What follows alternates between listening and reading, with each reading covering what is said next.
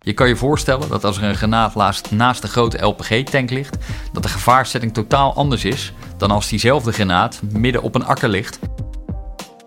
Van een simpele vuurwerkbom tot een, eh, een zeer moeilijk of mislukte plofkraak, tot aan de meest lastige bom die je maar eh, voor kan stellen. Hoe maak je hem onklaar? En hoe zorg je ervoor dat de directe omgeving geen gevaar loopt? Munitie of geïmproviseerde explosieven, geen vrienden of vijanden kent, enkel slachtoffers. Drone die kan je gebruiken A om te verkennen, maar die zou je in de toekomst misschien ook kunnen gaan gebruiken om bijvoorbeeld een explosief uit elkaar te halen. Eh, in dat geval was het daadwerkelijk echt het draadje doorknippen. Welkom bij mijn missie, de interviewserie van Landmacht FM.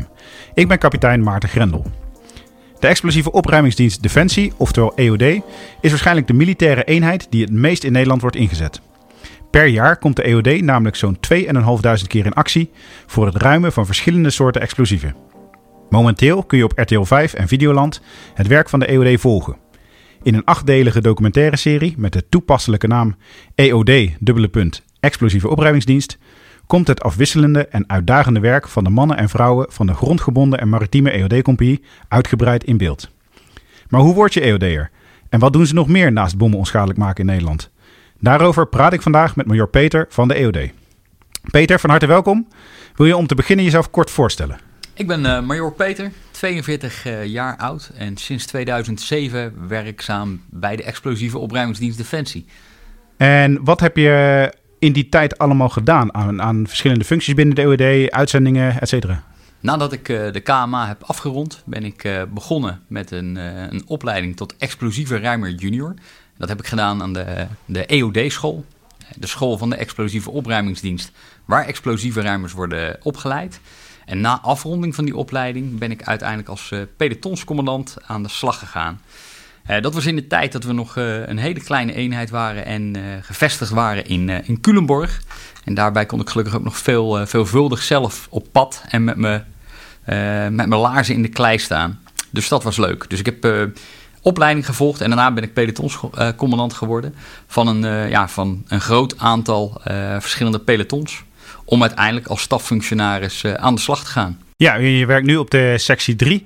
voor de mensen die dat niet kennen. Wat, wat houdt dat in? Ja, ik, uh, ik ben nu hoofdoperatie van de explosieve opruimingsdienst. En dat houdt dus in dat ik me bezighoud met, uh, met de aansturing van alle operaties in binnen- en buitenland die wij ontvangen en die wij uitvoeren. En heb je in die periode dat je bij de EOD werkt, want je, je hele carrière eigenlijk vanaf de KMA tot nu uh, heeft zich afgespeeld binnen de EOD, als ik het zo mag zeggen. En ben je in die tijd ook nog op uitzending geweest? Ja, dat klopt. De, de EOD is een eenheid die veelvuldig uh, op uitzending gaat. Hierbij moet je denken aan dat wij ervoor zorgen dat eenheden zich veilig door het, het gebied kunnen verplaatsen. Waar moet je aan denken? Het ruimen van, van UXO's, oftewel niet ontplofte oorlogsrestanten, maar tevens het vernietigen van zaken als bijvoorbeeld bermbommen. Die worden gezocht met een metaaldetector door de genie. En zodra die iets aantreffen wat er niet groeit, zoals we dat altijd noemen, zal de EOD dat onschadelijk maken. Dat heb ik uh, meerdere keren mogen doen. Ik uh, ben op meerdere missies geweest in, in, in, Afghanistan, onder andere in Uruzgan en in Kunduz. En daarnaast ben ik ook nog op uitzending geweest in Mali. Ja, want we hebben tegelijkertijd in Mali gezeten in 2015. wil je ook nog kort vertellen wat je daar hebt gedaan? Ja, daar had ik de rol van speciale stafofficier, waarbij je verantwoordelijk bent voor de aansturing van eigenlijk alle EOD-operaties in het gebied en het geven van het advies op het gebied van, uh, van IED's in, uh, in de area of operations. Oftewel, als je gaat verplaatsen van A naar B, waar moet je rekening mee houden? Wat kan je doen en wat moet je vooral niet doen om zo veilig mogelijk van A naar B te komen? Ja, je gaf aan dat je zelf na de KMA ook uh, de praktijk hebt gewerkt. Niet alleen als leidinggevende, maar ook zelf mee hebt geholpen met het ruimen van explosieven. Um, wat komt er allemaal bij kijken? Wat moet je allemaal leren en kunnen voordat je dat werk kunt doen? Ja, de, de EOD-opleiding die bestaat uit circa 40 weken en is opgedeeld in verschillende onderdelen. Het eerste onderdeel is het leren omgaan met springstoffen. Wat kan je er wel mee doen? Wat kan je er niet mee doen? Hoe moet je bijvoorbeeld een slagpijpje aansluiten? Wat doet een slagpijpje en wat doet springstof? Als je die module hebt afgerond, ga je uiteindelijk over naar de conventionele module. Oftewel uh, Conventional Munition Disposal. In, in het mooi Nederlands het vernietigen van munitie van conventionele aard. Waar moet u dan aan denken? Eh, dat betreft in Nederland met name munitie afkomstig uit de Tweede Wereldoorlog. Dan wordt er gekeken naar wat, wat kan je allemaal aantreffen, hoe werkt het, hoe moet je het vernietigen. En dat geldt niet alleen voor kleine explosieven, maar ook voor grote explosieven, zoals bijvoorbeeld een duizendponder, een grote vliegtuigbom. Als je die module hebt afgerond, begin je aan het laatste deel, gedeelte. En dat is het IED-gedeelte. Het IED-gedeelte bestaat uit uh, een groot aantal weken, waarbij je allerhande incidenten gaat naspelen en probeert op te lossen. Uh, die gaan over het aantreffen van geïmproviseerde explosieven. Waar kan je dan aan denken? Van een simpele vuurwerkbom tot een, eh, een zeer moeilijk of mislukte plofkraak, tot aan de meest lastige bom die je maar uh, voor kan stellen. Hoe maak je hem onklaar en hoe zorg je ervoor dat de directe omgeving geen gevaar loopt? Want dat is natuurlijk het allerbelangrijkste. Ja, maar je zou al dat zijn geïmproviseerde explosieven, dingen die zelf in elkaar uh, gezet zijn. zijn die dan ook gevaarlijker dan conventionele explosieven? Ja, een geïmproviseerd explosief is uh, eigenlijk altijd gevaarlijker dan een conventioneel explosief. En waar heeft dat mee van doen? Dat heeft te doen met de uh, wijze waarop het gefabriceerd is. Een conventioneel explosief, denk aan een, uh, een granaat die vanuit een kanon wordt verschoten in de oorlog, die wordt door een fabrikant gemaakt. Die moet voldoen aan bepaalde productkwaliteitseisen en is ook zodoende getest. Wij als EOD'er hebben daar de documentatie van, waarin we kunnen opzoeken hoe zo'n explosief werkt. Wat gebeurt er op het moment dat die uh, in de schietbuis uh, wordt geduwd tot aan het moment van detonatie?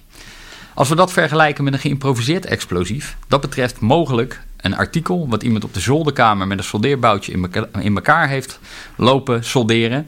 En waarbij het maar de vraag is: A. hoe het werkt en B hoe goed bijvoorbeeld een uh, soldering is gelukt. Je kan je voorstellen dat als een soldering plotseling loslaat omdat jij een handeling aan het explosief verricht, dat die daardoor kan afgaan. En dat zorgt er dus voor dat je altijd ja, een grotere gevaarzetting hebt, omdat je simpelweg niet weet waar je mee van doen hebt. Ja, en dat kan dan betekenen dat zo'n ding uh, bij het minste of geringste kan ontploffen. Ja, en daarvoor zullen we dus ook altijd uh, op een zo veilig mogelijke wijze proberen te werken. Waarbij het gevaar niet alleen voor ons eigen personeel, maar ook voor de directe omgeving wordt weggenomen. Ja, ja dat is misschien nog wel het belangrijkste in Nederland. Want ja, het is een, een dichtbevolkt uh, land. Uh, waar, waar je altijd wel in de buurt bent van uh, bewoonde omgeving. Is dat iets wat het werken in Nederland extra lastig maakt? Dat er, dat er altijd rekening gehouden moet worden met omwonenden of mensen die komen kijken? Of, ja, dat is, uh, dat is zeker anders. Uh, waar moet je aan denken? A, uh, al snel heb je te maken met veel mensen die bijvoorbeeld hun huis uit moeten. Oftewel de impact op de omgeving en de bevolking is groot. Wat weer zorgt voor onrust. Want ons doel zal ten alle tijden zijn om zo snel mogelijk terug te gaan naar normaal. Er is een ongewone situatie. Immers er ligt een explosief wat niet is afgegaan. En wij willen dat, dat gevaar zo snel mogelijk wegnemen. Waardoor iedereen weer gewoon zijn ding kan doen. Dat is tweedelig. Allereerst het zorgen voor een veilige omgeving, maar daarnaast bijvoorbeeld ook het uh, wegnemen van economische schade die ontstaat. Je kan je voorstellen als er een geïmproviseerd explosief wordt aangetroffen bij een bank op het museumplein, dat de economische schade al snel groot is. Diverse winkels moeten dicht, de tram moet worden omgeleid, et cetera, et cetera, et cetera. Dus ja, uh, in Nederland ja, is het ruimen van een geïmproviseerd explosief ja, toch lastiger dan het ruimen van een, uh, een bermbom uh, in the middle of nowhere in de woestijn in Mali. Simpelweg omdat je te maken hebt met omgevingsfactoren. Ja, ja helemaal duidelijk. Um, wat ik ook nog wilde vragen is, je hebt bij de landmacht een e enorme hoeveelheid aan verschillende functies en specialisaties. Um, wat was voor jou de reden specifiek om voor de EOD te kiezen? Uh, die is eigenlijk tweedelig geweest. Allereerst uh, heb ik altijd veel affiniteit gehad met, uh, met techniek. vind ik gewoon heel erg interessant. En daarnaast ja, heb ik een zwak voor militaire geschiedenis. ik vind het heel interessant om te zien wat er in het verleden is gebeurd en wat de gevolgen daarvan zijn op dit moment. En als EOD'er sta je eigenlijk elke dag weer met één voet in die geschiedenis. Hè. Tastbaarder dan die granaat kan de geschiedenis eigenlijk niet worden. Dus dat vind ik een hele mooie combinatie. En daarnaast, wij als EOD zijn eigenlijk altijd operationeel bezig. Het is niet alleen oefenen, maar je doet ook daadwerkelijk iets om Nederland veiliger te maken. En dat is mooi. Ja, ja dan doen jullie zo'n 2.500 keer per jaar in Nederland. Uh, en is dat vrijwel alleen maar uh, munitie uit de Tweede Wereldoorlog? Of, of zijn dat uh, ook nog andere dingen? Want waar zijn jullie het meeste tijd aan kwijt? de meeste tijd zijn wij kwijt aan de, aan de reguliere uh, meldingen afkomstig uit de Tweede Wereldoorlog. Er is natuurlijk enorm veel gevochten aan het eind van, uh, van de Tweede Wereldoorlog in Nederland. En niet alleen aan het eind, maar ook aan het begin natuurlijk. En het gevolg daarvan is uh, ja, dat Nederland toch wel bezaaid ligt met niet gesprongen explosieven. Hoe moet je je dat voorstellen? Circa 10% van de verschoten explosieven gaat niet af. En dat kan bij een grote veldslag, zoals bijvoorbeeld operatie Market Garden, behoorlijk zijn nou, daar, daar zijn jullie heel veel tijd aan kwijt. Uh, er ligt dus uh, nog heel veel uh, onontploft spul uit de Tweede Wereldoorlog in Nederland. de Tweede Wereldoorlog zelf is meer dan 75 jaar geleden afgelopen. Um, zijn jullie dan ook al 75 jaar bezig met opruimen? En, en de vraag die daarop volgt is dan ook: van hoe lang duurt het nog voordat al die explosieven ehm, ja, uit de grond weggehaald zijn? Ja, wij zijn, uh, de EOD is natuurlijk voortgekomen uh, aan het eind van de oorlog. Hè. Toen, uh, toen zijn de eerste ruimingen zijn hier in, in Nederland uitgevoerd. En we zijn nog steeds niet klaar. Ja, hoe komt dat nou? nou dat is eigenlijk een, een, een beetje een statistische vraag. Dat heeft ermee te maken dat ongeveer 10% van alle munitie die gebruikt werd in de oorlog... uiteindelijk niet is afgegaan. Als je je dan even inbeeldt wat er bijvoorbeeld tijdens de slag om Arnhem allemaal is verschoten en daar weer van uitgaat dat er 10% van niet is afgegaan, ja, dan kom je al snel tot de conclusie dat we voorlopig nog niet klaar zijn. Ik heb ook niet de illusie dat uh, voordat ik met pensioen ga, alle munitie in Nederland is opgeruimd. Nee. Dus uh, vijf jaar oorlog, uh, minimaal 100 jaar aan opruimwerk. ik denk nog wel meer. Ja. ja. Nou, 2500 inzetten per jaar, dat, dat klinkt al heel veel. Maar dat is niet het enige wat de EOD doet. Want wat, waar zijn jullie nog meer zoal mee belast? Nou, de EOD houdt zich ook bezig met het uh, zoeken en opsporen van niet gesprongen explosieven in de Nederlandse bodem. Waar moet je dan aan denken? Uh, dat betreft zoekacties die plaatsvinden op bijvoorbeeld militaire kazernes. Stel, er moet een nieuw gebouw geplaatst worden en er blijkt dat er een, uh, een gereden verdenking is dat er gedurende de oorlog munitie terecht zou kunnen zijn gekomen. Dan wordt zo'n gebied afgezocht. Dat doen wij middels een, een een, een, soort metaaldetector die we achter een eh, soort golfkarretje kunnen hangen. Waarmee we eigenlijk vrij snel een heel groot gebied in kaart kunnen brengen. En dan kunnen we precies zijn en zien welke bodemvreemde eh, objecten er in de bodem zitten. Die zullen we uiteindelijk gaan benaderen om vast te stellen of het om een explosief gaat, ja of nee. Daarnaast houden we ons ook bezig met het assisteren tijdens vliegtuigbergingen. Dat betreft niet alleen vliegtuigen die neer zijn gestort in de Tweede Wereldoorlog, maar dat kunnen ook vliegtuigen zijn van de luchtmacht of bijvoorbeeld een civiel toestel wat neerstort. Immers, eh, veel toestellen hebben diverse eh, kleine explosieven aan boord om zaken zoals bijvoorbeeld een brandblusinstallatie in werking te zetten. Ja, nou gebeurt dat gelukkig niet zoveel, maar ja, het is goed om te weten dat het ook eh, bij jullie werk wordt. Ehm, daarnaast zijn jullie als militairen natuurlijk ook uh, bij uitzendingen betrokken. Dat gaf je net zelf aan, dat je ook zelf uh, op uitzending bent geweest. Um, is dat iets wat op dit moment nog veel capaciteit vraagt? Want ik weet bijvoorbeeld dat we niet zo heel veel mensen op uitzending hebben als in de hoogtijdagen van Task Force Oeruzgan. Mm Ja, in de afgelopen tientallen jaren zijn wij pauzeloos op uitzendingen geweest. En uh, de coronaperiode is eigenlijk een, uh, een, een, onderbreking. Voor het eerst sinds hele lange tijd dat wij uh, niemand op uitzending hebben. We hebben wel missies waar we aan meedoen. Waar moet je dan aan denken? De EUTM-missie in Mali, dat is een trainingsmissie. Maar we hebben ook mensen gehad in Irak en in Afghanistan. Ja, een, een hoop werk dus. Um, Daarnaast moet er natuurlijk ook nog nieuw personeel opgeleid worden en aangenomen. Uh, hebben jullie ook last van de vele vacatures bij Defensie of valt het bij de EOD wel mee? Ja, zoals, uh, zoals elke defensie-eenheid heeft ook uh, de EOD te maken met tekorten. Waarbij het opvalt dat de tekorten bij de EODD met name zitten in de uitvoerende takken. Dus wij zijn nog altijd op zoek naar nieuwe junior ruimers explosieven. En dat geldt zowel voor de uh, maritieme EOD-compie, die in Den Helder zit, als ook voor de grondgebonden EOD-compie, die gevestigd is in Soesterberg. Ja, dat is wel een goede om die ook nog even te belichten. Uh, de EOD zit dus op, op twee locaties. In Nederland hebben ze hun, uh, ja, hun uitvalsbasis. Soesterberg, waar we nu zitten, en Den Helder bij de marine. Wat is het verschil tussen die twee eenheden? Ja, in totaal werken er bij de EODD 252 man, waarvan 126 personen werkzaam moeten zijn bij de grondgebonden EOD-compie. Die is gevestigd in Soesterberg en die voert ruimingen uit op het land. En daarnaast hebben we ook nog de maritieme EOD-compie. Daar zijn in totaal 42 mensen werkzaam. En die hebben tot taak het ruimen van explosieven onder de waterlijn, in havens en op schepen. Nou ja, in principe zouden natuurlijk al die functies bezet moeten zijn, alleen het is absoluut niet het geval. En waar zitten dan de, uh, de grootste uh, gaten in onze organisatie? Ja, dat zijn daadwerkelijk de ruimers. Wij zijn zowel voor grondgebonden als de maritieme EOD-compagnie nog altijd op zoek naar, naar nieuw personeel.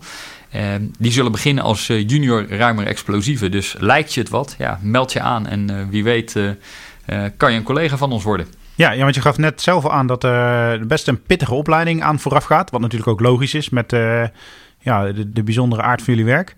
Ehm, is, het een, is het een hele zware opleiding? Is de uitval is die daar hoog of uh, valt het mee? Ja, er is, eh, er is, zeker, uh, er is zeker uitval. dat heeft er ook mee, mee van doen dat een, een, klein ongeluk met munitie bestaat eigenlijk niet. het is een ongeluk wat, wat gebeurt en de gevolgen zijn eigenlijk altijd vrij groot. Of voor de omgeving of voor de persoon zelf. En dat zorgt ervoor dat wij heel erg op, op veiligheid hameren. En dat zorgt er ook voor dat, dat niet altijd iedereen de eindstreep haalt. Maar ik hoop dat dat uh, potentiële geïnteresseerden niet te veel afschrikt. Nou, het is, een, eh, het is een ontzettend uitdagende baan. Elke dag is anders, helemaal als je, als je de weg op mag. elke melding is weer anders en je weet vooraf eigenlijk nooit uh, waar je mee van doen hebt. Zo weet ik nog een mooi voorbeeld dat ik uh, een dag zou hebben waarbij ik eigenlijk alleen maar vergaderingen zou hebben. En ik uiteindelijk uh, naar huis belde om te zeggen: ik kom wat later, uh, want ik sta op een, op een schuit hier voor de kust van Hoek van Holland, waar een, een vliegtuigbom is opgedrecht. En die ligt nu op het dek en die gaan we eerst onklaarmaken voordat ik naar huis kom. Ja, dat is toch wat anders dan een dagje in een muf kantoor zitten vergaderen. Ja, ja, en zeker geen 9 tot 5 baan dus. Absoluut niet. Um, wat voor bommen en granaten en andere explosieven komen jullie dan zo al tegen? Je had het al heel veel uit, uit de Tweede Wereldoorlog en soms wat geïmproviseerd materiaal. Uh, maar waar moet ik dan aan denken? Kun je, kun je daar wat voorbeelden van geven? Ja, het merendeel van de munitie die we aantreffen uit de Tweede Wereldoorlog, dat betreft geschutsgranaten. Oftewel een granaat die of door een tank, of door een kanon, of door een houwitser wordt, uh, wordt afgevuurd. Die doet het niet. Een zogenaamde blindganger, die uh, belandt in de grond. Ja, en die kan op allerlei verschillende wijzen weer worden aangetroffen. Een groot deel van die munitieartikelen wordt gevonden door uh, wat wij noemen hobbyisten. Mensen met een metaaldetector, mensen die gaan magneetvissen. Maar je kan ook denken aan uh, bouwbedrijven die, uh, die grondroerende werkzaamheden uitvoeren. Of bijvoorbeeld iemand die simpelweg in zijn tuin aan het schoffelen is. En denkt een steen te vinden wat uiteindelijk toch iets anders blijkt te zijn. Ja, ja, want hoe gaat dat als ik straks in mijn tuin ga graven en ik kom een bom tegen? Um, moet ik dan jou gelijk bellen of wat is dan de procedure? Het allerbelangrijkste is dat je er, eh, dat je er vooral afblijft. Wat wij uh, met enige regelmaat meemaken is dat mensen hem uh, in de buddy seat van de scooter leggen, naar het politiebureau rijden en hem daar op de toonbank zetten. Nou, dat is absoluut niet de bedoeling. Laat het explosief liggen. Bel de politie. De politie die zal een teamleider explosieven en veiligheid sturen. Dat is iemand die op is geleid om vast te stellen of iets een explosief is.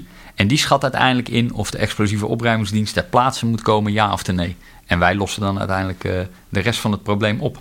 Ja, ja want soms wordt een explosief uh, ter plekke onschadelijk gemaakt, soms ook niet.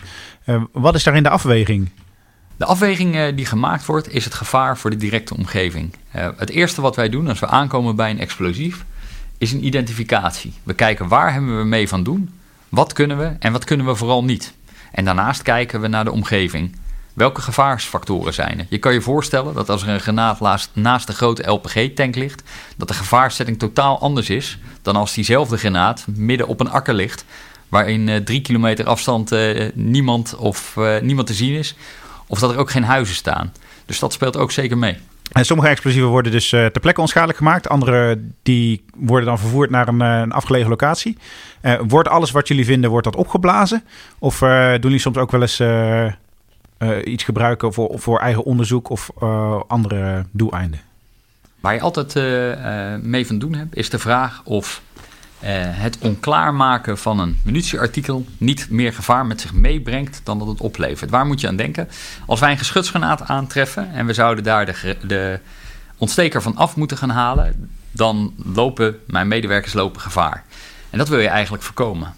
Als we dat gevaar kunnen wegnemen door de granaat ter plaatse op te blazen uh, en er daardoor geen schade ontstaat aan of personen of aan de directe omgeving, dan heeft dat de voorkeur. Waar je echter tegenaan loopt, is bijvoorbeeld zaken als een grote vliegtuigbom. Als we kijken naar een 1000 ponder, daar zit zo'n 200 uh, kilo springstof in. Als je die ter plaatse op zou moeten gaan blazen, dan is het gevolg voor de omgeving aanzienlijk groter. En dan wordt de afweging om te gaan demonteren sneller gemaakt.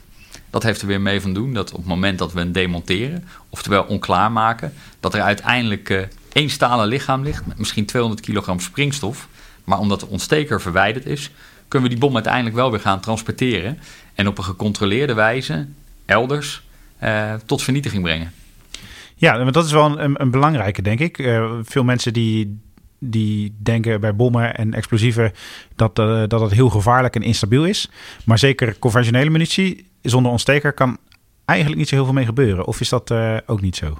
Nee, dat, uh, dat moet ik echt ontkrachten. Uh, vaak denken mensen, ah kijk, zo'n oude granaat, roestig, ligt al 75 jaar in de grond. Daar kan niks mee gebeuren en dat is absoluut niet gevaarlijk. Het tegenovergestelde is, is eigenlijk waar. En waar heeft dat mee van doen? Allereerst dat de springstof die in zo'n granaat zit onstabieler wordt. En dus gevoeliger wordt voor schokken. En aan de andere kant moet je je voorstellen dat zo'n granaat aan de binnenkant volledig luchtdicht is afgesloten. Als wij een granaat hebben vernietigd, dan zullen we daarna uh, de scherven en restanten van de granaat proberen op te graven. En wat je dan ziet, is dat de binnenzijde van het explosief daadwerkelijk nog eens nieuw is.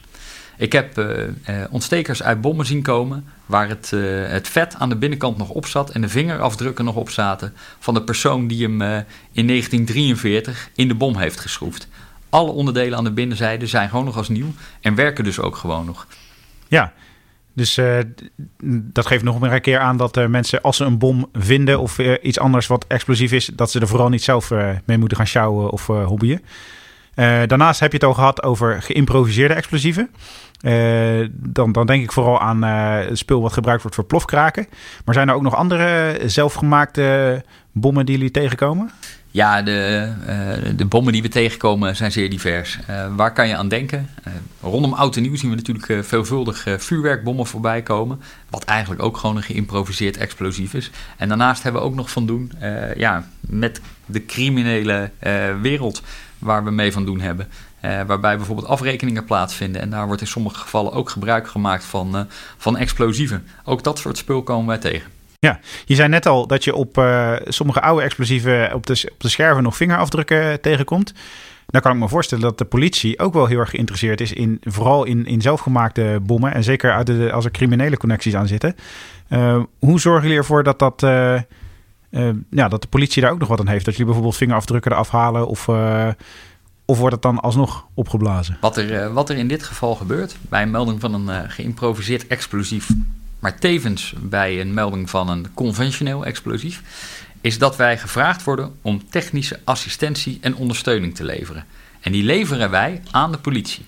Wij lossen het probleem op, zodat uiteindelijk de politie verder kan met zijn opsporingstaak. In de opleiding wordt er, uh, wordt er veel aandacht aan gegeven hoe je bijvoorbeeld forensisch bewust met zo'n explosief omgaat. Om ervoor te zorgen dat het opsporingsproces niet verstoord wordt. Ja, en dat is uh, denk ik wel belangrijk. Zeker uh, als je het hebt over criminele activiteiten. Um, we hebben het net al even kort gehad dat de EOD ook bij uitzendingen wordt ingezet. Um, is dat werk vergelijkbaar met hoe jullie in Nederland te werk gaan of is dat heel anders? Nou, het grote verschil zit met name in de omgevingsfactoren. Ik gaf het net al aan. Als je uh, een, een, een bermbom uh, midden in de woestijn in Mali onklaar moet maken, heb je, heb je vrijwel niet uh, te maken met directe omgevingsfactoren. Tref je zo'n vergelijkbaar explosief aan in de binnenstad van Utrecht, ja, dan zullen veel mensen hun huis uit moeten. Misschien een pompstation ontruimd worden. Een snelweg eruit. Het spoor moet worden afgesloten. Met als gevolg dat een, de impact van het explosief op de directe omgeving vele malen groter is. Daar hebben we inderdaad uh, het geluk gehad um, dat we de laatste jaren naar redelijk onherbergzame landen op uitzending zijn geweest. Maar ook daar kan ik me voorstellen dat het heel erg interessant is om erachter te komen hoe zo'n bom in elkaar zit of, hoe die, of wie dit ding gemaakt heeft. Doen jullie op uitzending dan, dan zelf onderzoek of doen andere eenheden dat? Ja, in, uh, op uitzending uh, zal de eerste analyse plaatsvinden door de, door de EOD. Die zijn immers ook de personen die uh, het explosief, als die in de grond wordt aangetroffen, als eerste zien. Daar zal bijvoorbeeld een verslag van worden gemaakt. En daarna zal er eventueel een wit team worden ingevlogen of ingereden. Dat is een Weapons Intelligence Team. Dat zijn mensen waarvan een aantal onderdeel uitmaakt van bijvoorbeeld de Koninklijke Marechaussee. Een ander deel van het team bestaat uit andere personen en die zullen een onderzoek opstarten naar dat explosief. Hoe is het aangetroffen? Wie kan het gelegd hebben? Past het in het patroon wat we misschien wel eerder hebben gezien? Om op die manier te garanderen dat onze procedures, die je als land gebruikt, eh, nog toe kan passen met een wijziging van de dreiging die er op dat moment geldt. Ja, dus zo, zowel eh, tijdens uitzending als uh, in Nederland maken jullie uh, veelvuldig gebruik van technische hulpmiddelen. Um, ik denk de meeste mensen kennen wel de EOD-robot op de ruppersbandjes. Um, maar ook zie je nog regelmatig een, een, man of een vrouw in een bommenpak die met de hand explosief onschadelijk maakt. Um, waarin ligt de keuze of je dat iets door een robot of door een mens laat doen. Want ik zou, ik zou persoonlijk zeggen, laat alles door een robot doen, dat is wel zo veilig. Ja, dat klopt. Uh, de robot kunnen we natuurlijk op afstand besturen. Met als gevolg dat uh, het enige object wat op dat moment gevaar loopt van ons, dat is de robot. Oftewel, hij werkt op afstand, gaat het explosief af, dan is de robot kapot. Uh, maar voor de rest overleeft iedereen het. Alleen ja, met de robot kan je natuurlijk niet overal bijkomen. Dus in sommige gevallen eh, ontkom je er niet aan dat je in je bompak, bijna, bijna 40 kilo weegt het pak, dat je in je bompak naar het explosief moet om hem uh, handmatig onklaar te maken. Maar dat is natuurlijk wel het allerlaatste wat je wil. Ja, en, zie je in de toekomst uh, daar nog verandering in, in optreden? Dat de robots bijvoorbeeld zo klein of zo uh, flexibel worden dat dat niet meer nodig is? Nou, wat je op dit moment ziet is dat er uh, uh, een verschuiving gaande is. Je ziet dat er steeds meer gebruik wordt gemaakt van drones. Zo'n drone die kan je gebruiken A om te verkennen, maar die zou je in de toekomst misschien ook kunnen gaan gebruiken om bijvoorbeeld een explosief uit elkaar te halen. Ja, er is nog steeds wel een, een, een risico, ondanks hoe goed jullie zijn opgeleid of ja, hoe, hoe secuur je alles doet. Kijk, we proberen altijd uh, onze maatregelen zo te nemen dat uh, het risico zo klein mogelijk wordt. Alleen met munitie en helemaal met geïmproviseerde explosieven zal het nooit lukken om dat risico volledig weg te nemen. Wat ik ook altijd zeg, is dat munitie of geïmproviseerde explosieven geen vrienden of vijanden kent, enkel slachtoffers. Wat was voor jou zelf uh, de meest bijzondere of, of spannende ja, inzet die je hebt meegemaakt? Of degene die het meest is bijgebleven? Ja, op, op, de verschillende uitzendingen heb ik, eh, heb ik de nodige spannende momenten meegemaakt. Maar als ik kijk naar hier in Nederland, uh, wat een hele interessante melding was, uh, dat was in Wel, in, in Limburg. Dat was een, een oude granaat uit de Tweede Wereldoorlog die gevuld bleek te zijn met, met pamfletten.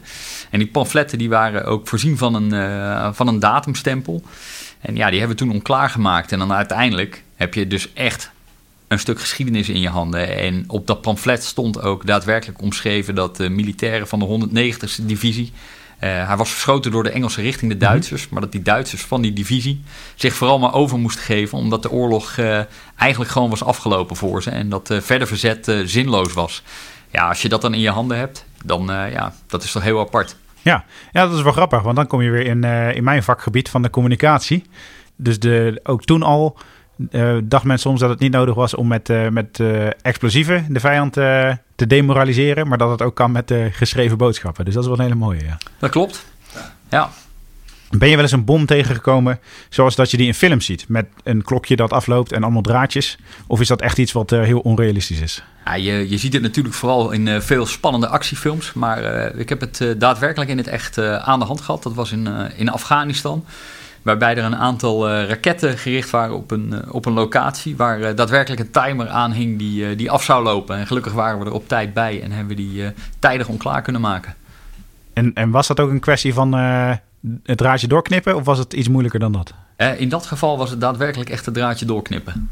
Oké, dus dat is wel grappig. Want ik had juist het idee dat zo'n ding in een film... dat dat totaal niet realistisch is. Maar nou blijkt dat de werkelijkheid soms toch ja, nog bizarder is dan je denkt. Ja, we hebben ook een, eh, een high five gegeven na afloop. Omdat we er zelf ook wel uh, ja, toch om konden lachen. Dat, uh, dat we daadwerkelijk een, een timer hadden gehad. Ja. Dus ja dat, dat is weer die afwisseling. Hè? Elk IED is anders. Dus heel erg interessant. Ja, mooi. Ik dacht, misschien vind je die vraag zo belachelijk dat je zegt van, nou, dit slaat nergens op. Maar het is mooi om te horen dat, dat, dat daadwerkelijk echt zo een keer iets tegen bent gekomen. Ja. ja. Um, nou ben ik wel benieuwd. Je, doet dit werk al een tijdje. Uh, je hebt heel veel verschillende functies binnen de EOD uh, eh, gedaan. Um, verwacht je dit nog tot je pensioen te kunnen doen? Of heb je op een gegeven moment zoiets van... nou, Het is mooi geweest, ik ga iets anders doen. Ja, ik hoop het uh, tot mijn pensioen te kunnen doen. Het is een prachtig vakgebied. Elke dag is anders. En natuurlijk, net zoals in elke andere baan, heb je ook wel eens wat dagen dat je denkt: mm, dat was een wat mindere dag. Maar ja, ik hoop absoluut dit tot mijn pensioen te mogen doen. Onwijs bedankt voor het luisteren. Mijn gast vandaag was major Peter van de Explosieve Opruimingsdienst. En als er nou een onderwerp is waarvan je vindt dat wij dat moeten behandelen, tweet dan met hashtag Mijn Missie of stuur ons een bericht op Facebook of Instagram. Mijn Missie is een productie van de Koninklijke Landmacht. Nieuwe afleveringen komen regelmatig en meestal op maandagochtend online. En je vindt ze in de meeste podcastspelers onder Landmacht FM of Mijn Missie. Abonneer je en mis geen enkele aflevering. Je volgt de Koninklijke Landmacht via Twitter, Instagram, Facebook en YouTube. En op defensie.nl vind je het laatste nieuws rondom de krijgsmacht. Nogmaals bedankt voor het luisteren en tot de volgende aflevering.